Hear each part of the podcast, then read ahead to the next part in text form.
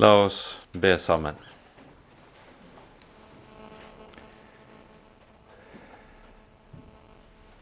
Kjære gode Gud, Hellige Far, så er vi på ny kommet sammen i ditt hellige navn,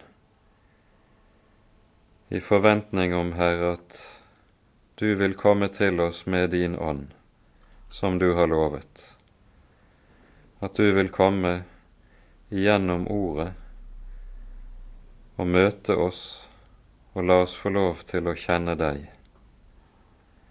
Takk, Herre, at du tre, selv trer frem for oss i og gjennom ordet ditt. Og Derfor ber vi deg, Herre, at du vil la din ånd arbeide slik med oss, med våre hjerter, at vi blir stille, stille for det ord du har å bringe oss, at ordet også kan få gjøre sin gjerning. Herre, mest av alt ber vi, åpenbar din egen sønn for våre hjerter, at han må bli stor midt iblant oss. For Jesu navns skyld ber vi. Amen.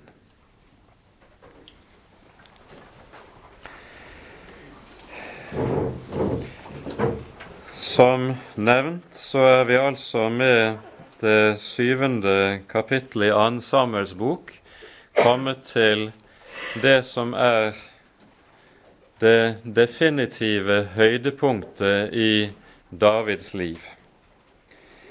I det femte kapittelet hører vi hvordan det sies om David etter at han er blitt konge over det forente Israel, etter at Jerusalem er blitt hovedstad, så står det om David at han forsto at det var Herren som hadde stadfestet hans kongedømme.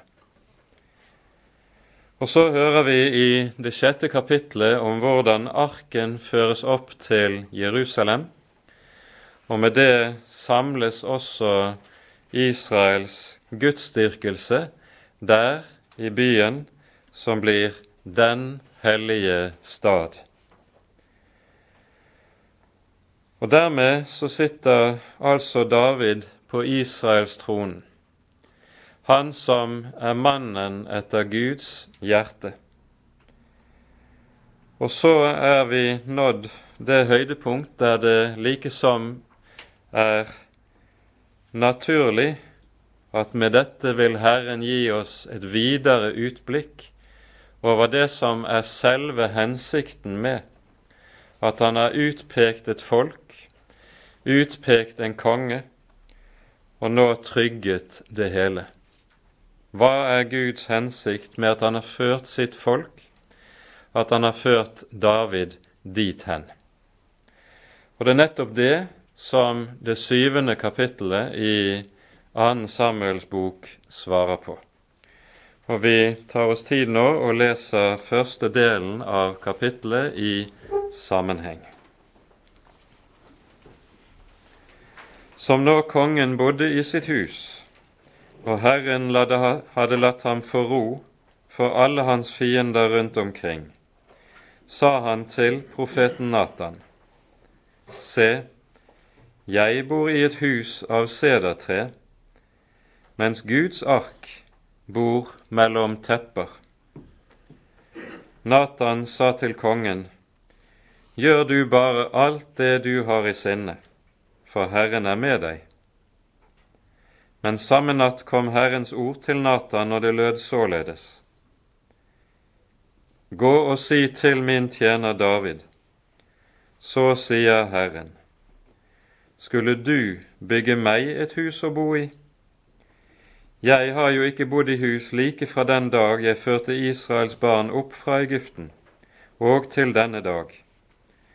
Men jeg vandret om i et telt, i et tabernakel hvor jeg så vandret om med alle Israels barn, har jeg vel noensinne talt således til noen av Israels stammer, som jeg satte til å vokte mitt folk Israel.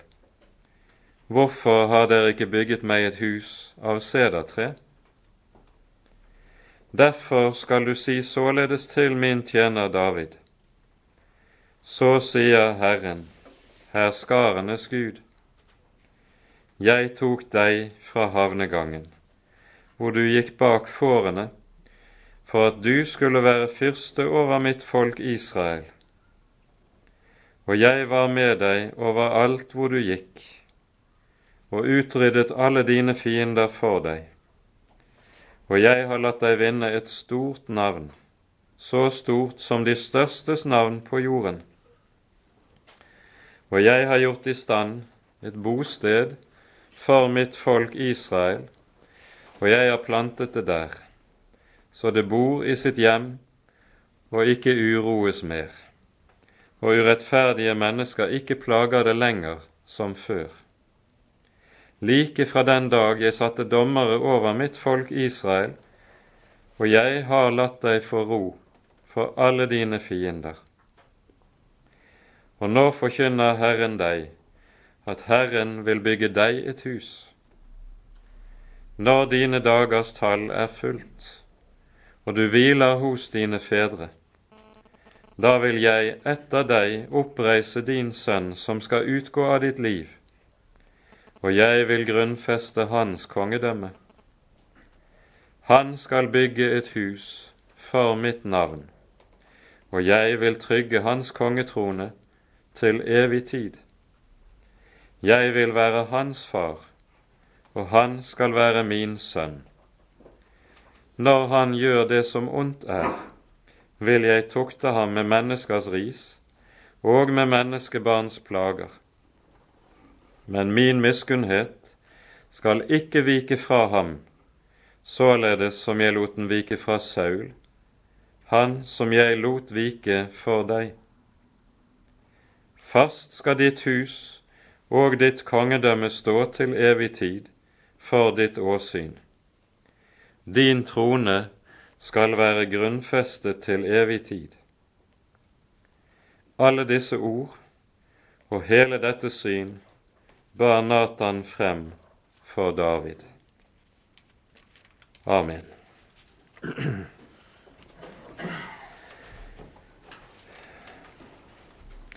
Det vi nå altså hører, det er at når Davids trone når Davids kongedømme er trygget, og han har fått ro Bibelens, eller grunntekstens uttrykk han har fått hvile for alle sine fiender omkring seg, så er det at han grunner hvorfor skal ikke Herrens ark bo i et hus som er enda prektigere. David er seg bevisst hvem han skylder alt i sitt liv, hvem som har ført han der hvor han er. Han vet hvem han har å takke og love, at han er kommet dit hen, og at Herrens folk er kommet dit det nå er.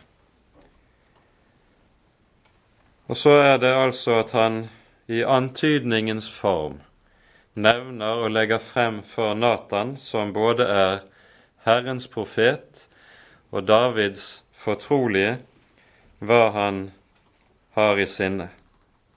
Jeg bor i et hus av sedertre, men Herrens ark bor mellom tepper. Hvorfor skal Herrens helligdom når det gjelder ytre skikkelse, være så meget, meget ringere, så meget mer fattigslig enn kongens hus? Skulle ikke han som er kongenes konge, bo i et meget herligere hus? Det er en naturlig menneskelig tanke, og samtidig så er det noe som David enda i dette trenger å minnes om. Vi hører allerede i annen Mosebok at Herren er, når det gjelder sin tjeneste, ikke avhengig av ytre prakt. Det nevnes uttrykkelig i 2. Moseboks 20. kapittel etter åpenbaringen av loven. Så sies det slik hva slags alter Israel skal bygge for ham. Vi leser 2. Mosebok 20, vers 25. Dersom du vil gjøre meg et alter av stein, da skal du ikke bygge det av huggen stein. For bruker du hoggjern på steinen, vanhelliger du den. Og i verset forut så står det Et alter av jord skal du gjøre meg, på det skal du ofre dine brennoffer og dine takkoffer, ditt småfe og ditt storfe. På ethvert sted hvor jeg lar mitt navn i hu komme, vil jeg komme til deg og velsigne deg.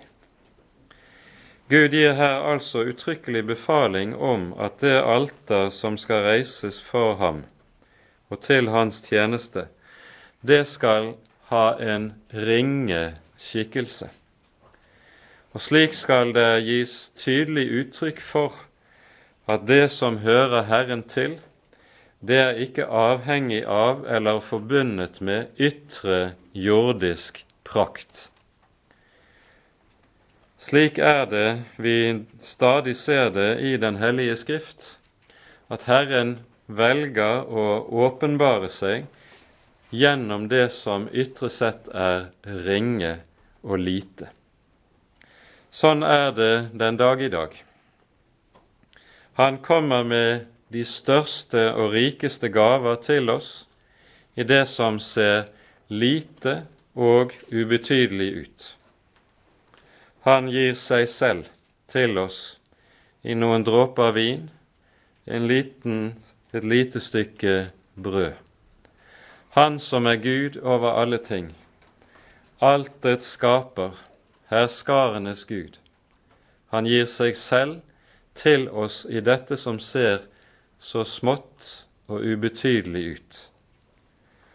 Og slik er det med alt det som hører Herren til. Og det er viktig at vi merker oss dette. For i dette så ligger det også en fristelse til anstøt for oss. Hva er dette for noe, tenker man gjerne. Og så er det mye lettere å tenke at Gud, han er i det som ser stort og imponerende ut, og det som mennesker kan skryte av. Etter Guds ord er det altså ikke slik. Gud har uttrykkelig valgt å komme til oss gjennom det som ser lite og ubetydelig ut. Og han har knyttet særlige løfter nettopp til det. Dette skal David også minnes om gjennom det vi her hører, og det kan være nødvendig for oss også å bli minnet om dette i dag. Hvor det også går gjennom kristenheten bølger som har en slik karakter at det likesom er det som ytre sett ser stort og imponerende ut, som likesom skal gi, være bærer av Åndens eller Guds nærvær. Vi skal aldri la oss imponere av slikt. For om igjen og om igjen i Skriften har Gud altså gjort det motsatte. Han kommer til oss i det små, i det som menneskelig talt er betydningsløst og lite. For at vi stadig skal minnes om dette, mine veier er ikke deres veier, og mine tanker ikke deres tanker. Men like som himmelen er høyere enn jorden, således er mine veier høyere enn deres veier, sier Herren. Vel, når David har nevnt dette for Natan, så svarer Natan nokså spontant og umiddelbart. Gjør du bare alt hva du har i sinne, for Herren er med deg. I dette så ser vi noe som også er viktig for oss å notere oss. Natan lar munnen løpe foran Herren. For samme natt så stanser altså Herren David. Og så forstår vi at selv om Natans ord er velmente, selv om Natan gir uttrykk for noe som ærlig er uttrykk for dette at han ønsker å tjene Herren, frykte Herren og dyrke Herren, så er det likevel ikke dermed av Gud. Så er det likevel ikke derfor etter Guds time. Og det skal minne oss om det som også er grunnleggende i Skriften, at ikke alt som er velment, er derfor nødvendigvis av Gud. Ikke alt som et menneske gjør for Gud, er dermed gjort i Gud og ved ham. For det er meget lett for oss å løpe foran Herren. Nettopp i velment iver så kan det i denne iver ofte være kjødet vårt og kjødelig gudsdyrkelse som tar plassen i stedet for det som er fra ham, som er Herre. Og så er det altså da at Natan møtes av Herren den samme natten, og så kommer Herren med budskapet til Natan, til David. I ordene som nå lyder til David, så sammenfatter Herren sin førelse av Israel nettopp med tanke på å vise hva han nå har ført dem frem imot. Altså hva som er hensikten med denne førelse, både av Israels folk og av David som person. For her er poenget jo også at fra denne tid av så er Davids hus og Guds folk uløselig knyttet sammen, knyttet sammen gjennom Guds eget løfte om det som skal komme. For her er det altså vi nå møter løftet om Messias som skal fødes i Davids hus og ett. Vi nevnte at Det gamle testamentets Messias-profeti med dette tar et veldig steg videre frem. Og vi skal bruke noe tid på å se på akkurat det i dag. Hvis vi ser bakover på det som har skjedd tidligere med Israel i åpenbaringshistorien, så vil vi se at Messias-profetien den er relativt lite konkret. Det første løftet om den kommende frelser finner vi jo allerede på fallets dag. Der sier Herren til Adam og Eva i domsordene over slangen, 1. Mosebok 3.15. Jeg vil sette fiendskap mellom deg og kvinnens ett. Han skal knuse ditt hode, du skal knuse hans hæl. Og så er det løftet her om han som skal knuse slangens hode. Senere hører vi i Første Mosebok kapittel 12, når Herren kaller Abraham, at i Abrahams ett vil han velsigne alle jordens slekter. Og vi skjønner båndet knyttes mellom han som skal knuse slangens hode, og han som i hvem alle slekter skal eie velsignelsen. Senere så gis løftet til Abraham videre via Isak og Jakob, og Når Jakob ligger på dødsleiet, hører vi i Første Mosebok 49 om velsignelsen over Juda, den ene av Jakobs tolv sønner.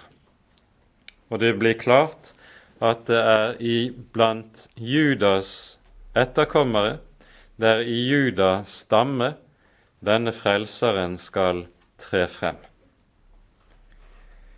Senere hører vi ikke stort før Israel står ved slutten av ørkenvandringen. Der hører vi den underlige Biliams-profetien i 4. Moseboks 24. kapittel, der Biliam sier at 'jeg ser ham, men ikke nå', 'jeg ser ham, men han er langt borte'. En stjerne løfter seg fra Jakob, et spir fra Israel. Og så ser han fremover mot han hvis riket skal stå til evig tid. Fortsatt er altså løftet relativt lite konkret. Men nå, altså, så er det at Messias-profetien på en helt annen måte blir konkret. Den knyttes til David, til Davids hus, vi skal gå nærmere inn på det vi hører i disse versene etter hvert, men jeg vil bare peke på to grunnleggende saker i forlengelsen av dette. Man kan nemlig dele Det gamle testamentets litteratur inn i tre litteraturperioder. Den første litteraturperioden det er den vi finner på Moses tid, der Mosebøkene og Josva-boken avfattes.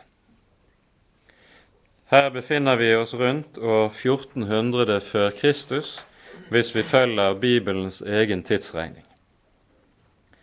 Den andre store litteraturperioden i den bibelske litteratur, den kommer så 400 år senere, og det er nettopp på Davids tid.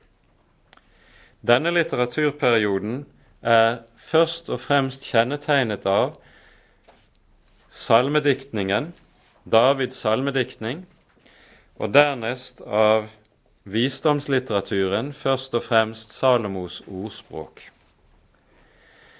Men i Davids salmer er det vi ser at Messias-profetien nå blir langt, langt tydeligere og mer konkret.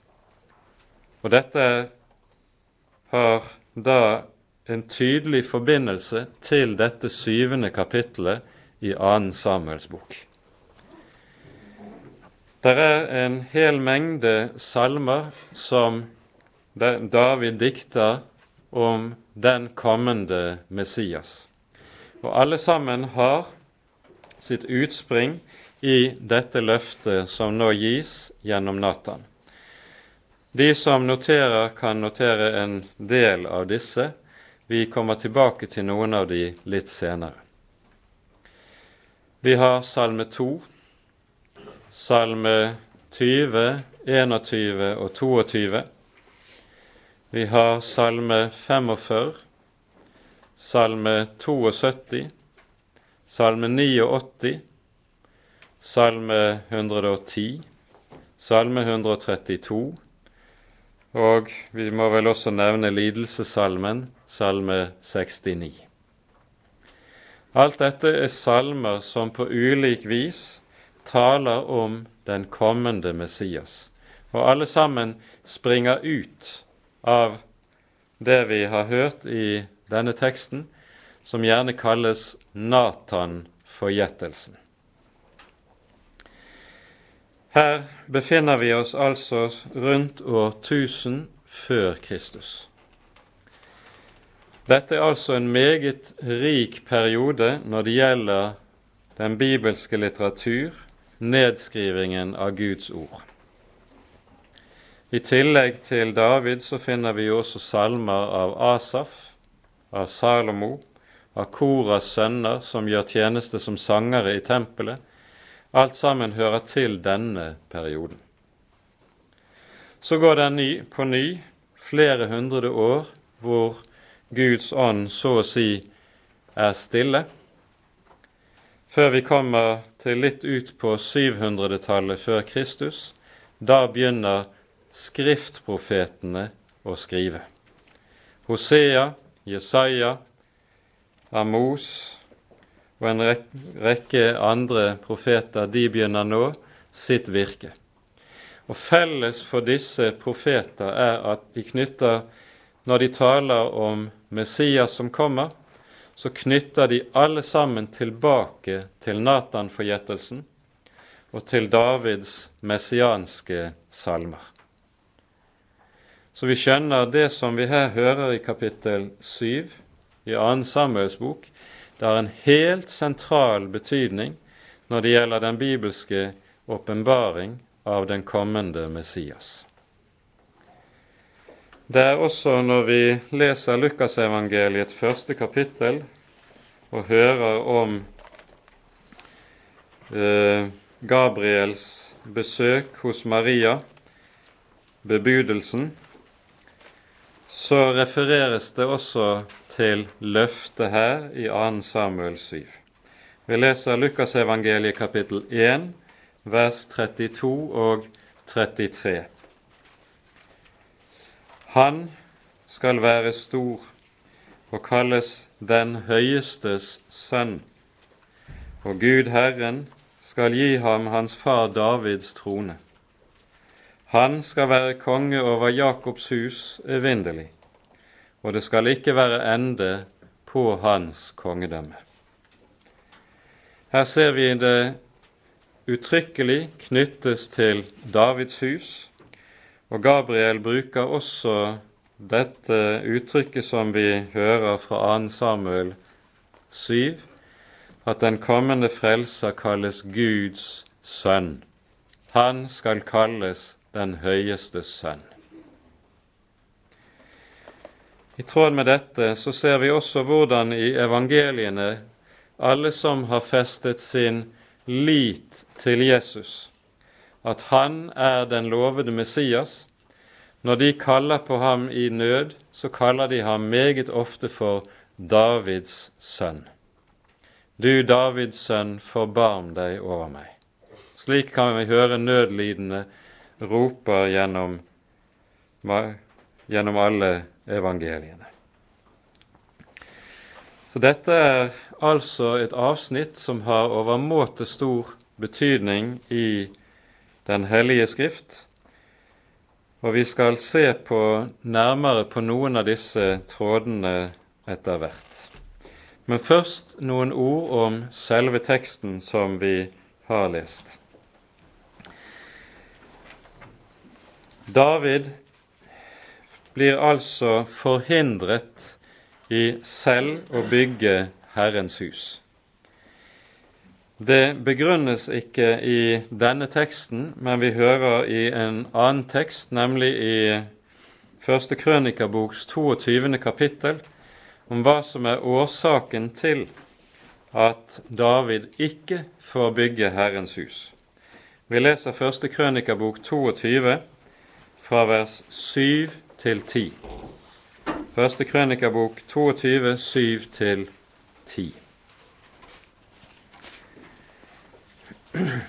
Sammenhengen er den at David planlegger det at tempelet skal reises, så å si legger alt til rette for Salomo som kommer etter ham.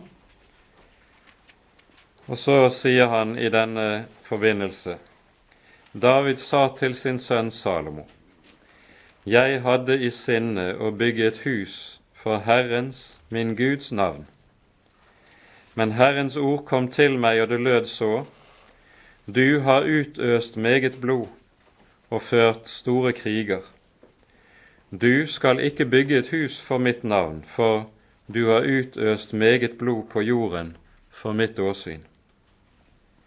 Men du skal få en sønn, han skal være en fredens mann, og jeg vil la ham få fred for alle sine fiender rundt omkring. For Salomo skal være hans navn, og jeg vil la Israel ha fred og ro i hans dager. Han skal bygge et hus for mitt navn, og han skal være min sønn, og jeg skal være hans far, og jeg skal trygge hans kongetrone over Israel for all tid. Her hører vi altså den videre begrunnelsen. Salomo sitt navn det kommer av det hebraiske ordet for fred, shalom. Shlomo og shalom, det er samme ordstammen som altså handler om fred. Og det at Salomo er den som skal bygge Herrens helligdom, det blir dermed et forbilde på det som senere blir helt avgjørende og sentralt i Messias-profetien, nemlig at Messias er fredsfyrsten. Det er jo en tittel han får både i Det gamle testamentet og Det nye testamentet. Dernest så hører vi Herrens løfte til David. Nå forkynner Herren deg at Herren vil bygge deg et hus. Det er et forunderlig løfte og et sterkt løfte. Og Jeg tror vi har lov til å si at dette gjelder også allment i enhver sammenheng, at Herren må først bygge for oss før vi kan bygge for ham. Og så er det i tilknytning til dette Salomo også har diktet den 127. salmen, som begynner slik. Dersom Herren ikke bygger huset, bygger de forgjeves som bygger på det. Dersom Herren ikke vokter byen, våker vekteren forgjeves. Det er også utgangspunkt her i dette avsnittet. Dernest så lyder det i vers 12.: Når dine dagers tall er fullt, og du hviler hos din, dine fedre, da vil jeg etter deg oppreise din sønn, som skal utgå av ditt liv, og jeg vil grunnfeste hans kongedømme. Her er det altså tale om han som skal fødes i tidens fylde. Det tales uttrykkelig om at han skal komme lenge etter at David ligger i sin grav. Dermed er det også tydelig at det i denne sammenheng ikke primært siktes til Salomo. Det sikter til en som skal fødes langt senere. Men vi forstår likevel av tekstsammenhengen her at det vi leser, har dobbelt bunn. Først er det tale om i vers 13 Han skal bygge et hus for mitt navn, og jeg vil trygge hans kongetrone til evig tid. Og så lyder det i vers 14 Jeg vil være hans far, og han skal være min sønn. Når han gjør det som ondt er, vil jeg tukte ham med menneskers ris og med menneskebarns plager. Men min miskunnhet skal ikke vike fra ham, således som jeg lot den vike fra Saul. Ja, kan dette sikte til Herren Jesus, da, han som var syndfri? Det gjør det selvfølgelig ikke. For her er tankegangen i det som lyder til oss, at dette sikter til hele Davids slekt, hvor Messias, når han kommer, så å si er den egentlige ende på slektslinjen, det som alt bare peker frem imot. Det betyr også helt konkret at når David bygger, nei, unnskyld, når Salomo bygger Herrens hus, Herrens tempel, så er han den konkrete, umiddelbare oppfyllelse av dette løftet, men samtidig på en slik måte at Salomo i sin person og sin tempelbygging er forbildet på Han som skal komme.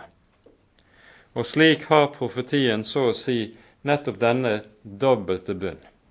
Salomo oppfyller delvis det, som, det løftet som her gis, og denne delvise oppfyllelse blir samtidig slik at den peker frem mot det som er den egentlige oppfyllelsen. Og når det gjelder Davids etterkommere forut for Messias komme, så gjelder det altså slik at om de synder, så vil Herren likevel ikke frata dem løftet Davids trone skal stå. Og Slik ser vi også senere når vi leser kongebøkene. Der står det om den ene etter den andre av Davids etterkommere på tronen i Jerusalem, som faller i synd, i avgudsdyrkelse, så gjentas det ofte, men Herren ville la en lampe være tent for Davids skyld, for Davids hus. Og som nettopp peker på dette, at Herren i troskap mot løftet til David ikke vil la Davids hus gå til grunne, selv om hans etterkommere faller i de største og groveste misgjerninger. Hvordan David selv har forstått dette løftet fra Natan, det ser vi umiddelbart i 2. Samuels boks 23. kapittel.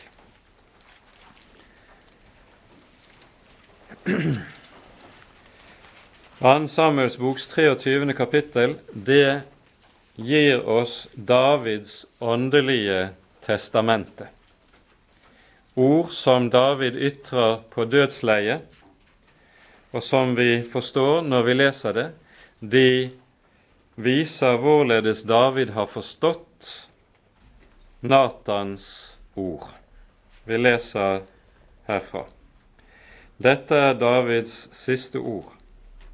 Så sier David Isais sønn, så sier mannen som høyt var satt, Jakobs Gud salvede og Israels liflige sanger. Herrens ånd taler gjennom meg, og Hans ord er på min tunge. Israels Gud har talt. Til meg har Israels klippe sagt. Der skal være en hersker over menneskene en rettferdig, en hersker i Guds frykt. Han skal være lik morgenens lys når solen går opp, en morgen uten skyer, når ved solskinn og ved regn gresset spirer frem av jorden. For har ikke mitt hus det således med Gud? En evig pakt har han jo gjort med meg, ordnet i alle deler og trygget all min frelse og alt hva han behager, skulle ikke han la det gro frem. Det vi her hører, det er en sammenfatning av Davids Messias-forventning. Og vi merker oss her hvilke uttrykk, navn og benevnelser som anvendes om den kommende frelseren. For det første, når han kalles en hersker over menneskene, så pekes det med dette på Messias kongelige embete. Vi taler jo gjerne om Messias tre embeder, nemlig som prest, som profet og altså som kongen. Og dette siste er det David taler om i denne sammenheng, og det er på denne måten David også er forbildet. Dernest kalles han en rettferdig. Og Det er en veldig viktig benevnelse, for senere i Messias-profetien finner du flere steder at Messias gis nettopp navnet Den rettferdige i bestemt form.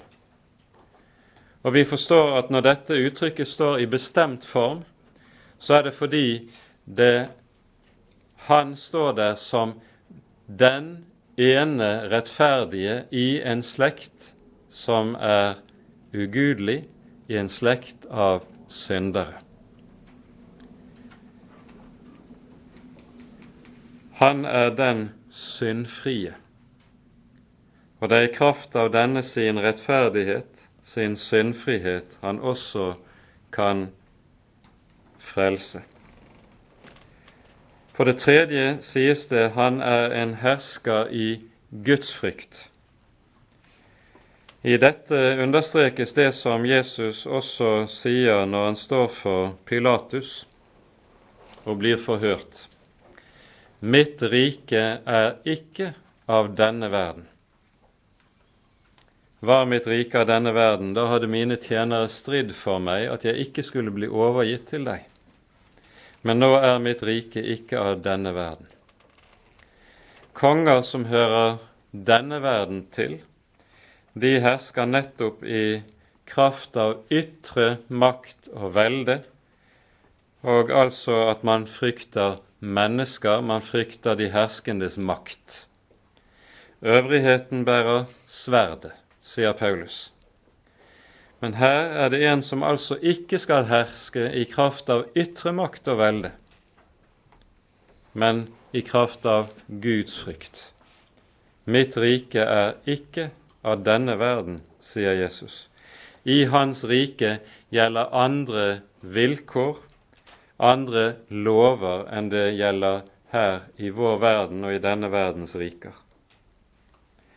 Han skal være lik morgenens lys når solen går opp, står det. For det fjerde. Det er på denne bakgrunn han omtales hos Malakias i det fjerde kapittel som rettferdighetens sol, som stiger opp med legedom under sine vinger. Det er på denne bakgrunn vi hører om ham i Jesaja 9. kapittel. Det folk som bor i mørket, skal se et stort lys, og over dem som bor i dødsskyggens land, skal lyset stråle. Og vi forstår, med det som dermed sies, når han kommer, så kommer han nettopp med tanke på dem som bor i mørket. Det er for deres skyld han kommer. Det er for deres skyld han er lyset. Jeg er verdens lys, sier han når han trer inn i vår verden. Den som følger meg, skal ikke vandre i mørket, men ha livsens lys. Og så tales det om frukten som vokser frem hos ham, det som med Femte Moseboks uttrykk kalles for det solen har fostret. Og til slutt i vers 5 så står det om pakten som er gjort. For her, med det løftet Herren slutter, gir David, så slutter han samtidig når tiden kommer, den pakt som heter den nye pakt. Dette er det profeten Jeremia viser til i det 31. kapittel, når han taler om hvorledes den pakt som ble sluttet med Guds folk ved Sinai, den skal avløses av en annen pakt som er grunnlagt på syndenes forlatelse. Jeremia-boken kapittel 31 fra vers 31 til 34. Så vi ser her hvordan fra disse tekstene her så springer det en veldig rikt materiale frem som den videre bibelske profetien spinner på og utfolder for oss. Når det er tale om pakten her, så skal vi merke oss to ting som sies om den. Det står at den er ordnet i alle deler og trygget. Gud har altså gjort alle sider ved denne sin pakt fast. Det er ingenting som ennå står utrygt, som ennå ikke er ferdig. Alt står der. Og så sies det to ting om dette. All min frelse og alt hva han behager, skulle ikke han la det gro frem. Når det taler om all min frelse, så siktes det til nettopp det som vi forstår ligger i disse ordene. Frelsen er noe som han har gitt fullkomment ferdig til oss som får lov til å få del i det, får lov til å arve det. Han gir ikke bare litt frelse, som du og jeg så skal skjøte på, men det står bokstavelig 'all min frelse'. Dernest så står det 'alt hva han, ham behager'. Og med det siktes det til hvorledes all frukt som senere vokser frem av frelsens kjensgjerning, at frelsen får rom i et menneskes liv, det er også noe som er av ham, ikke av oss. Alt er av ham som kommer til oss med dette. Slik er det David på sitt dødsleie grunner over og taler profetisk i tilknytning til Natans løfte. Vi må også, før vi forlater dette avsnittet og i 2. Samuel 7 og skal se litt på et par andre avsnitt senere i Bibelen, se noe nærmere på Davids takkebønn som han ber etter at Natan har talt slik til ham.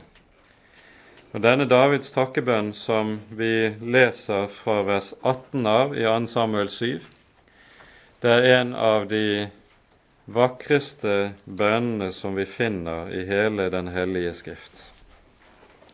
Vi leser Da gikk kong David inn og ble der inne for Herrens åsyn, og han sa, Hvem er jeg, Herre, Herre, og hva er mitt hus, at du har ført meg hertil? Og enda var dette for lite i dine øyne, Herre, Herre. Og du talte også om din tjeners hus langt frem i tiden. Og dette er loven for menneskene, Herre, Herre. Hva skal så David mere si til deg? Du kjenner jo din tjener, Herre, Herre. For ditt ords skyld og etter ditt hjerte har du gjort alt dette store og forkynt det for din tjener. Derfor er du stor, Herre Gud. Det er ingen som du, og det er ingen Gud foruten deg, etter alt det vi har hørt med våre ører. Vi stanser der foreløpig. Legg merke til denne bønnen. Hvordan David så å si er rørt til det innerste i sin sjel. Det er det som så å si røper seg gjennom hans ord. Og hvordan han ser sin egen uverdighet i møte med all den godhet og velsignelse som Herren har latt ham få del i. Ikke bare har Herren ført ham til tronen i sitt folk,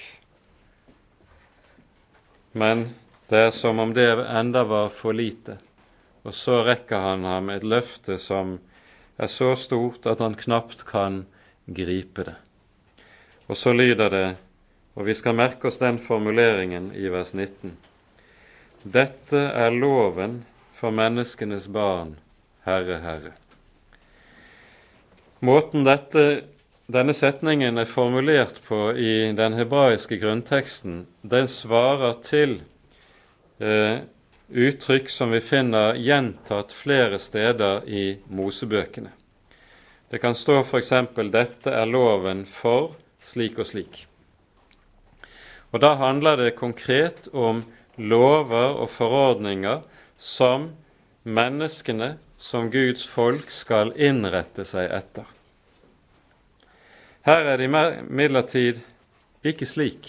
Her gis det ingen bud, ingen lover, som du og jeg skal bøye oss for og innrette oss etter.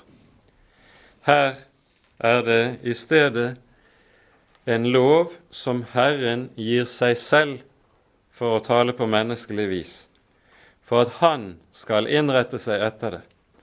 Han binder seg med dette til å fullføre sine løfter til David, og med det til en fallen slekt, løftet om frelse.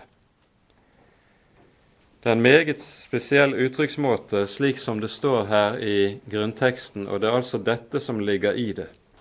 Det er Gud som på denne vis binder seg selv til å oppfylle hva han har lovet.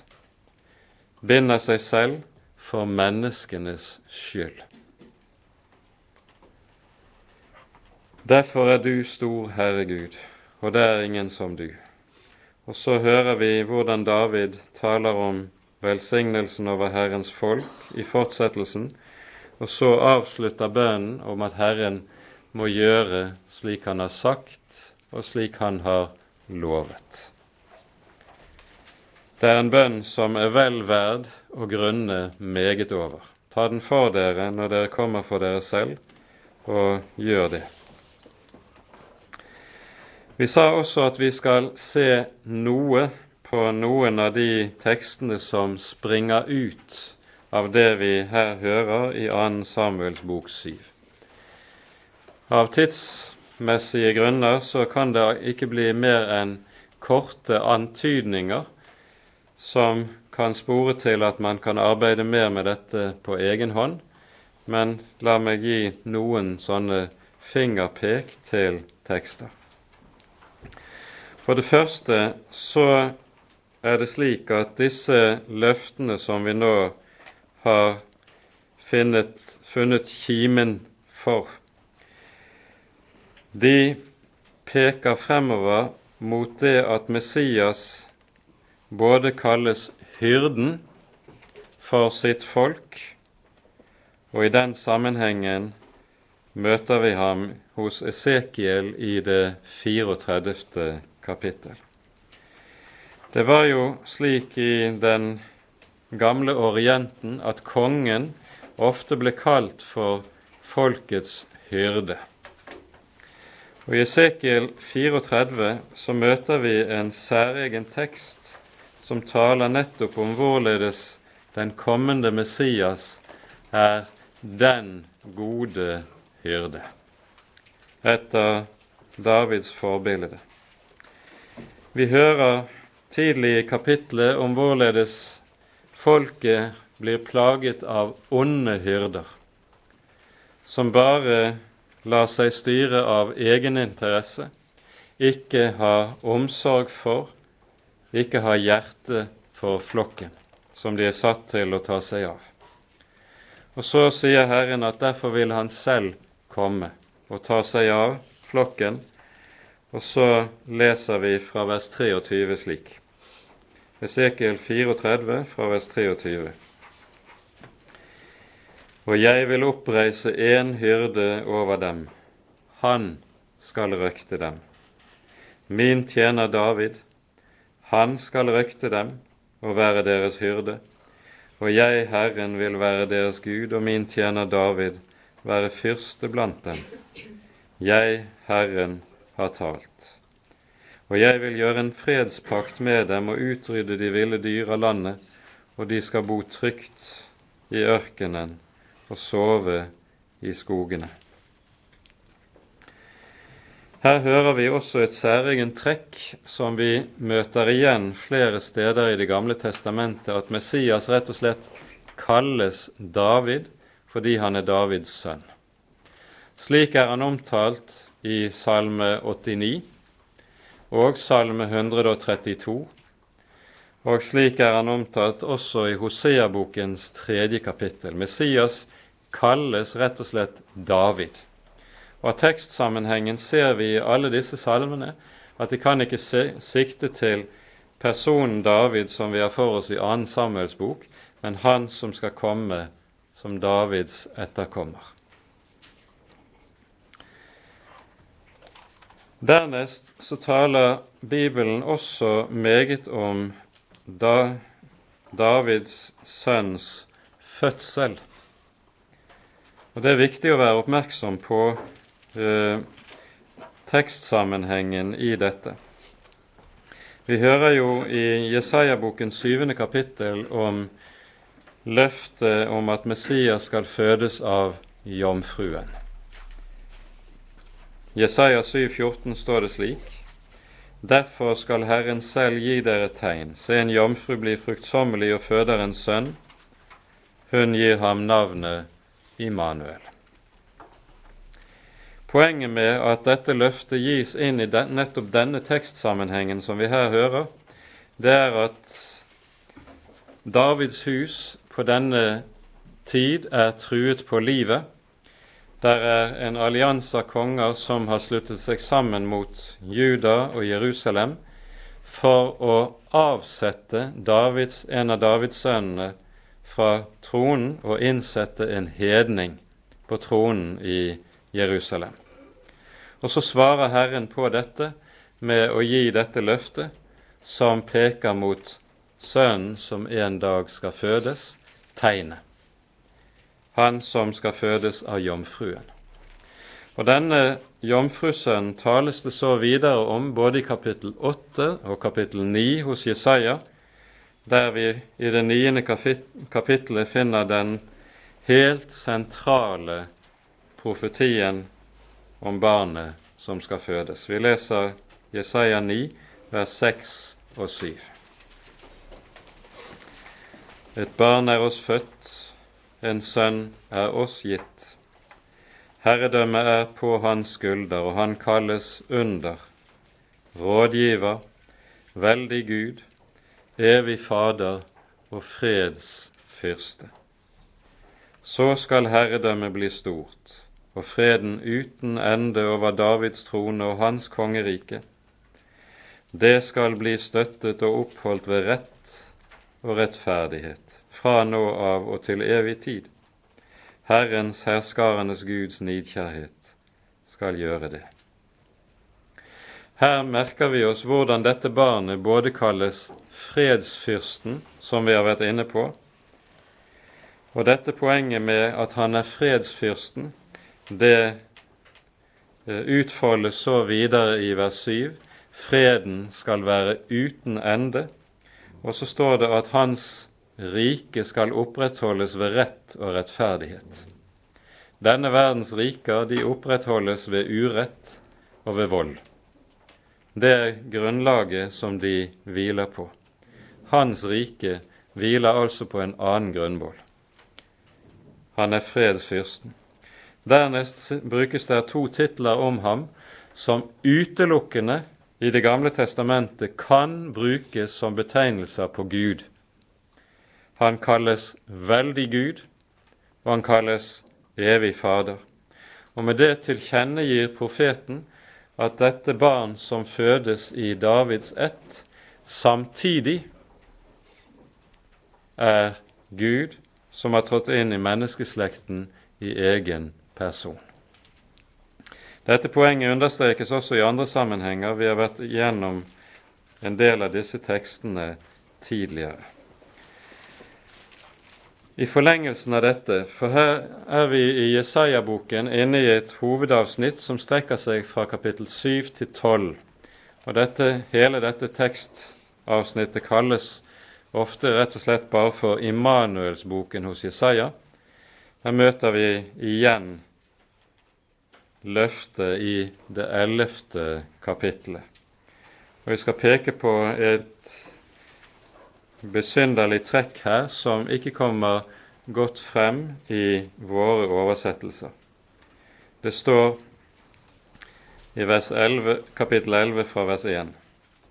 En kvist skal skyte frem av isa i stubb, og et skudd av hans røtter skal bære frukt. Herrens ånd skal hvile over ham, visdoms- og forstandsånd, råds- og styrkes ånd, den ånd som gir kunnskap om Herren og frykt for ham. Når vi hører om kvisten som skal spire frem, så er denne teksten her av denne bakgrunnen for at Messias senere en rekke steder i Det gamle testamentet kalles med navnet Spiren. Og Bakgrunnen for dette spesielle Messias-navnet det er det som vi hører i, på slutten av det foregående kapittel her, slutten av kapittel 10 i Jesaja-boken. Herren vil nemlig komme til dom over sitt folk. Folket er like tre, et dårlig tre som ikke har båret frukt. Og så hogger Herren treet ned.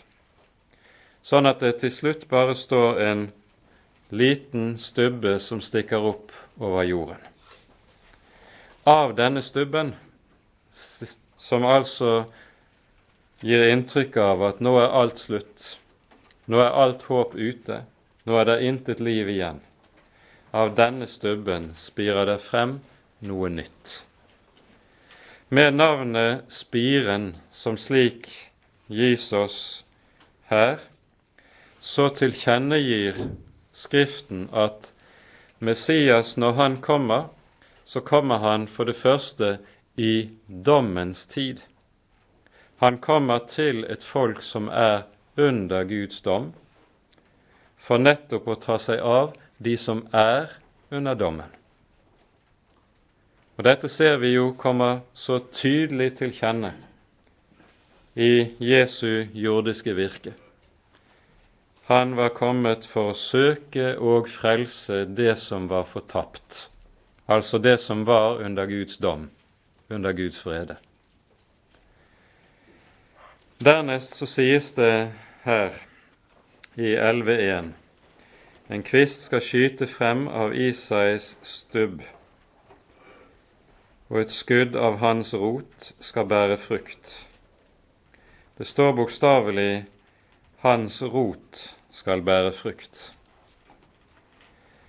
For her er det underlige det at Messias både kalles for Davids spire, altså Davids etterkommer, og han kalles for Davids rot, dvs. Si Davids skaper. Der I bibelsk poesi så er dette en forunderlig måte å gi uttrykk for dette at Messias både er Gud og menneske. Han er både Davids etterkommer, etter kjødet er han født i Davids hus og ett, men etter evighetsånd så er han altså godtgjort å være Guds sønn i velde, som Paulus uttrykker dette i Romerbrevet. Han er Davids rot og Davids spire.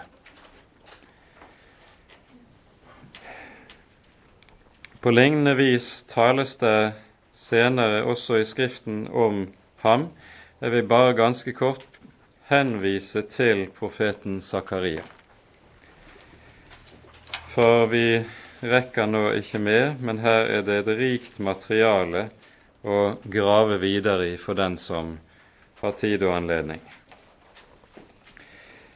Hos Zakaria i kapittel 3 fra vers 8 av, så hører vi hvordan dette Messias-navnet spire igjen anvendes.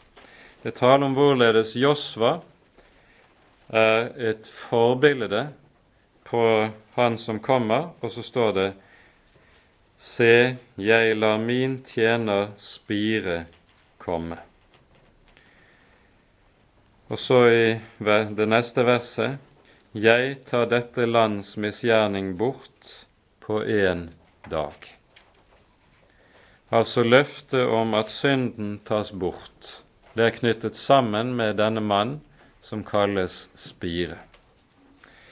I kapittel seks møter vi igjen det samme. Det er tale om spiren fra vers 12 av, og her hører vi dette som Natan hadde fremme i sin profeti, nemlig tempelet, Herrens hus, skal reises. Se, der kommer en mann som heter Spire. Han skal spire frem av sin rot, og han skal bygge Herrens tempel. Og så er det Jesus i tilknytning til slike ord og løfter i Det gamle testamentet kan svare de som utfordrer ham i Johannesevangeliets annet kapittel, når de spør hvilke tegn gjør du så vi kan se det og tro deg? Og han svarer, riv dette tempel ned, og jeg skal bygge det opp igjen på tre dager. Men han talte om sitt legemes tempel, står det i sammenhengen. Han skal bygge Herrens tempel. Og det er i forlengelsen av dette at også den kristne menighet derfor kalles Guds tempel, Kristi legeme, som altså Herren Kristus bygger. Går vi videre hos Zakaria, finner vi i det niende kapittel tale om fredsfyrsten. Fry deg, vi leser fra vers 9. Fry deg storlig, Sions datter, rop høyt, Jerusalems datter. Se, din konge kommer til deg, rettferdig er han og full av frelse, fattig, og ridende på et esel, på aseninnens unge fole. Og jeg vil utrydde vognene i Efraim og hestene i Jerusalem, og alle krigsbuer skal utryddes. Han skal tale fred til hedningene, og hans herredømme skal nå fra hav til hav og fra elven til jordens ender. Og så noen kapitler etterpå, kapittel 12, tales det om Han som ble korsfestet. De skal skue opp til meg som de har gjennomstunget, sier de. Messias kommer som den som er fattig. Han kommer i ringe skikkelse, som vi har vært inne på tidligere og hans ringhet når så å si sitt dypeste i det han korsfestes av sitt eget folk.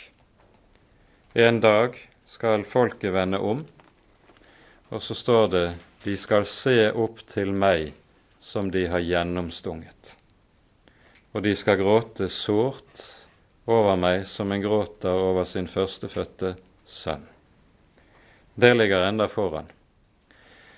Men her har vi altså fått se inn i noen av disse sammenhengene som alt sammen har dette som felles utgangspunkt, løftet som ble gitt gjennom Natan til David. Her er det like som det store treet av Messias-profetier riktig begynner å vokse og folde ut sine grener og bære frukt. Ære være Faderen og Sønnen og Den hellige ånd, som var og er og være skal en sann Gud, høylovet i evighet. Amen.